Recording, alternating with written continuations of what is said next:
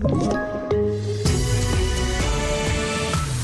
Svenska PCR-tester skickades för analys till Tyskland. Anhölls för brott mot rikets säkerhet, nu släppt och populärare än någonsin att köpa en begagnad cykel. Ja, här är TV4-nyheterna som börjar med att under en tre månaders period har Sverige skickat cirka en halv miljon så kallade PCR-tester till Tyskland, det rapporterar SVT. Testerna skickades iväg eftersom flera regioner slog larm om att testkapaciteten inte räckte till. Men upplägget får kritik för enligt KI har man haft analyskapacitet som inte använts och att Sverige har haft möjlighet möjlighet att skala upp. Och den person som tidigare i veckan greps och anhölls misstänkt för grov olovlig underrättelseverksamhet mot Sverige har släppts på fri fot, det meddelar Åklagarmyndigheten.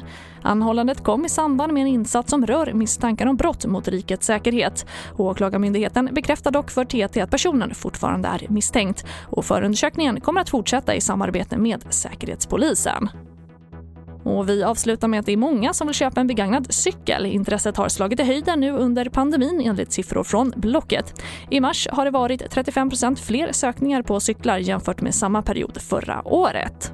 Men vi har sett intresse under flera år men eh, det stack iväg eh, väldigt mycket i fjol på grund av pandemin när folk ställde om sitt eh, resande. Man behövde kanske en cykel för att ta sig runt eh, och, och då är det smidigare och eh, mer miljövänligt än en bil. Så det tror jag är en aspekt.